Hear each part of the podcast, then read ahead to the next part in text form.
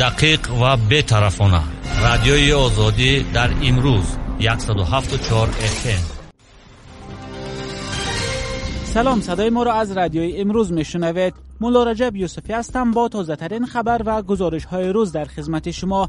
امروز 9 اکتبر و ساعت در دوشنبه 8 آلمان و فرانسه در یک اعلامیه به اتحاد اروپا پیشنهاد کردند شخصانی را که در زهرآلود کردن الکسی نوالنی مخالف سیاسی کرملین دست دارند. تحریم کند. نوالنی حالا در آلمان به سر می‌برد و وضع سلامتیش رو به بهبود است. او در ماه اوگوست امسال توسط مواد کیمیاوی نوی نویچاک زهرآلود شده بود. کرملین دست داشتن خود را در این قضیه رد می کند ولی بر رغم فشارهای بین المللی مخالف تحقیقات جنایی در این مورد است. وزیر کارهای خارجه آلمان در نشست روز هفتم اکتبر در پارلمان گفت مسکو باید از مخالفت دست بکشد. وزیر امور خارجه بریتانیا گفت لندن در این مسئله با پاریس و برلین هم فکر است. ولی ماریا زخر و سخنگوی وزارت امور خارجه روسیه گفت متن و لحن اعلامیه آلمان و فرانسه قابل پذیرش نیست. لویزا گلیوک یک شاعر معروف امریکایی برنده امساله جایزه نوبل در بخش ادبیات شد. دبیر اکادمی شویتسیا متس مالم ضمن اعلان برنده جایزه در مراسم در استکهلم روز 8 اکتبر گفت جایزه نوبل در بخش ادبیات در سال 2020 به لویزا گلیوک برای صدای واضح شاعرانه اش داده می شود که با زیبایی قاطع وجود شخصیت را جهانی می کند لویزا گلیوک مؤلف 12 مجموعه شعرها و چندین جلد کتاب دیگر است. در سال گذشته اولگا توکارچوک و پیتر هانکه برای سالهای 2019 و 2018 برنده جایزه نوبل در بخش ادبیات شدند. ولی سال 2018 جایزه سپرده نشد چون که همسر شاعر کاترینا فرانسیسون یک عضو اکادمی شویتسیا در آن گمان بر شد که پیش از تقدیم جایزه اسم برنده ها را فاش کرد و در یک ماجرای اخلاقی بدنام شد. جایزه نوبل در بخش ادبیات از سال 1901 تقدیم می شود و تا کنون بیش از 900 نفر برنده آن شدند. جایزه نوبل از 10 میلیون کرون شویدی معادل بیش از یک میلیون دلار پاداش عبارت است. تاجیکستان با هدف کاهش پیامدهای پندمی کووید 19 و دستگیری بودجه دولتی از بانک اوراسیای رشد 50 میلیون دلار قرض می‌گیرد. وکیلان مجلس نمایندگان پلات پایانی پارلمان کشور روز 8 اکتبر از لایحه سازشنامه قرضه میان تاجیکستان و بانک اوراسیای رشد جانبداری نمودند فیضالدین قهارزاده وزیر مالیه تاجیکستان هنگام معرفی سازشنامه گفت این قرض امتیازناک بوده مهلت برگرداندن آن 20 سال را در بر می‌گیرد. به گفته قهارزاده 50 میلیون دلار قرض امتیازناک برای پوشاندن کسر بودجه دستگیری بودجه دولتی در شرایط پندمی کووید 19 و کاهش های منفی این بیماری به های اجتماعی و اقتصادی استفاده خواهد شد. وزیر مالیه می‌گوید چنین قرض امتیازناک در شرایط مشکل اقتصادی مالیوی جهان که با سر زدن بیماری کووید 19 به میان آمده است برای حل مشکلات مالیوی دولت زمینه مساعد فراهم می‌آورد. به اطلاع رسمی سازمان های بین المللی مالی از آغاز پندمی کرونا ویروس به کشور بیش از 300 میلیون دلار قرض و گران دادند. و سفارت امریکا در تاجیکستان از آغاز دور نوی پر کردن عریضه برای دریافت گرین کارت یا کارت سبز خبر داد. مهلت نامنویسی از 7 اکتبر آغاز شده. دهم نوامبر به پایان می‌رسد. سفارت امریکا می‌گوید داوطلبان گرین کارت باید رقم شناسنامه خارجی خود و مهلت انجام آن را بنویسند. به تاکید سفارت برای شرکت در لتریا پول ستانده نمی شود و هر اشتراکچی امکان دارد سوالنامه را مستقلانه پر کند. ایالات متحده سال برای 50 هزار نفر در سراسر دنیا امکان دریافت حق اقامت و کار در این کشور را توسط کارت سبز فراهم می بیشتر داوطلبان گرین کارت از تاجیکستان اکثرا جوانان هستند. هر سال از این کشور حدود 700 نفر لطره مهاجرت و اقامت در امریکا را به دست می آورند نشر دیدگاه های مختلف و متضاد 174 FM خدمات اجرای نزد حکومت تاجیکستان بیش از 2000 شهروند را از حق بیرون رفتن از کشور محروم کرده است. مقامات می‌گویند این افراد از بانک ها قرض دارند و یا الیمنت فرزندانی خود را نپرداختند. در میانشان رهبران 130 شرکت خصوصی نیز هستند.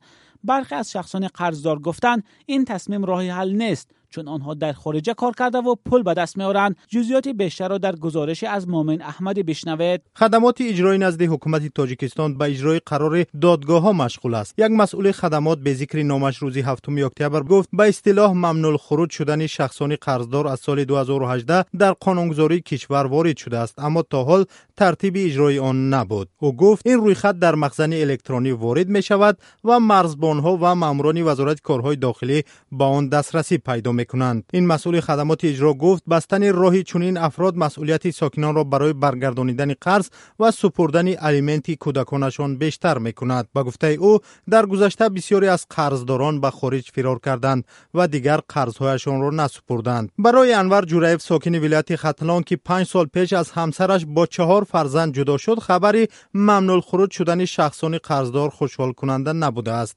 او گفت دادگاه وی را وظیفه‌دار کرده است که هر ماه به کودکانش بیش از هزار سومانی بدهد. ولی او می‌گوید اگر بر روسیه نرود این پول را پرداخت کردن نمی‌تواند. فرزانه و زنی که شوهر سابقش در قزاقستان کار می‌کند و به ادعای او یک سال باز برای دو فرزندش یک دینم نمی‌دهد تهیه چنین فهرست قابل قبول است. اما اکثری آنهایی که از بانک های تاجیکستان قرضدار هستند می‌گویند در صورت محروم شدن از حق سفر به خارجه امکان پرداخت قرض را نخواهند داشت. فردوس پولادی کارشناس تاجیک می‌گوید بستن راهی شهروندان قرضدار به خارجه تجربه رایج در اکثر کشورهای جهان است. با گفته او واقعا این نظام درست کار کند ساکنان هنگام گرفتن قرض مسئولیت شناس می شوند برخی به این نظرند که چنین رویخط می تواند باعث بیشتر شدن فساد هم گردد. یعنی به باور این گروه نفری که وارد رویخط می شود امکان دارد با دادن پاره از کشور بیرون رود. مسئولان خدمات اجرا می‌گویند در صورت وارد مخزن الکترونی شدن این کار غیر امکان خواهد بود. در گذشته بانک ملی تاجیکستان رویخط افراد علاقمند به تروریسم و اعضای گروه افرادگرا را تهیه کرده بود که نام 2647 نفر را در بر بگیرد و همه گونه عملیات بانکی را برایشان منع کرده است. در آن رویخط نام چندی از سیاستمداران و جانبداران گروه و حزب‌های سیاسی نیز هستند. بیش از 2000 شهروند تاجیکستان از حق سفر به خارج محروم شدند. مومن احمدی در این باره گزارش می‌داد.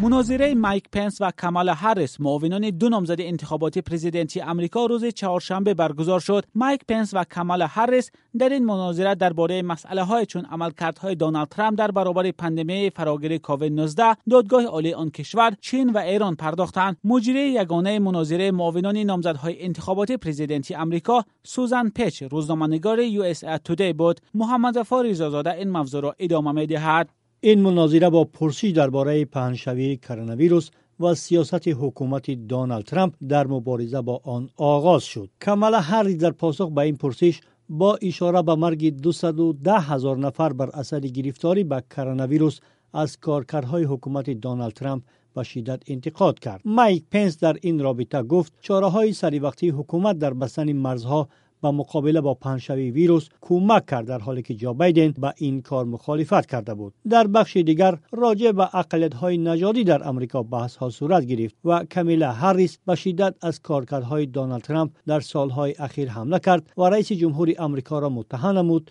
که حاضر نیست گروه های نجات پرست را محکوم کند. در واکنش مایک پنس به گذشته خانم کمالا هریس در داستانی کالیفرنیا اشاره کرد و گو وقت خانم کمالا هریس مسئولیتش به پایین رسید معلوم شد که اقلیت های نژادی بیشتر از دیگر گروه ها مورد تعقیب دادگاهی قرار گرفتند. یکی از موضوع های محوری این مناظره درباره دادرس نو در دادگاه عالی امریکا بود. کمالا هریز با اشاره به عملکرد ابراهام لینکلن 16 همین رئیس جمهور امریکا در وضعیتی مانند. گفت با توجه به اینکه 27 روز بعد انتخابات برگزار می شود نباید دادرس پیشنهادی ترامپ از سوی سینات تایید شود. مایک پنس هشدار داد. در صورت پیروزی جو بایدن او ترکیب دادگاه عالی را کاملا به نفع لیبرال ها تغییر می دهد. در بخش دیگری این مناظره مایک پنس و کمالا هریس درباره عملکرد دونالد ترامپ در برابر چین بحث کردند. کمالا هریس گفت سیاست های جنگ تجارتی حکومت ترامپ با چین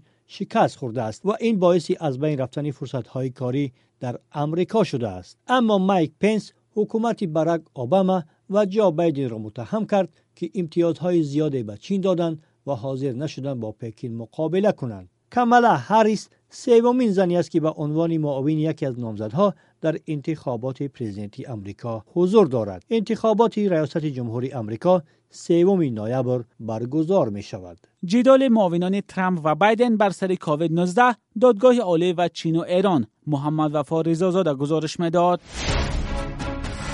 صحیفه ما را در یوتیوب با نام آزادی ویدیو مشاهده کنید. آزادی ویدیو نمای از واقعیت های روز است. شما خبر و گزارش های رادیوی آزادی را روی موج 174 اف در پیشنهادی من مولا رجب یوسفی شنیدید. خبر و ویدیوهای نو را از تاجیکستان و جهان در وبسایت رادیوی آزادی بخوانید و تماشا کنید. رادیوی آزادی در امروز 174 اف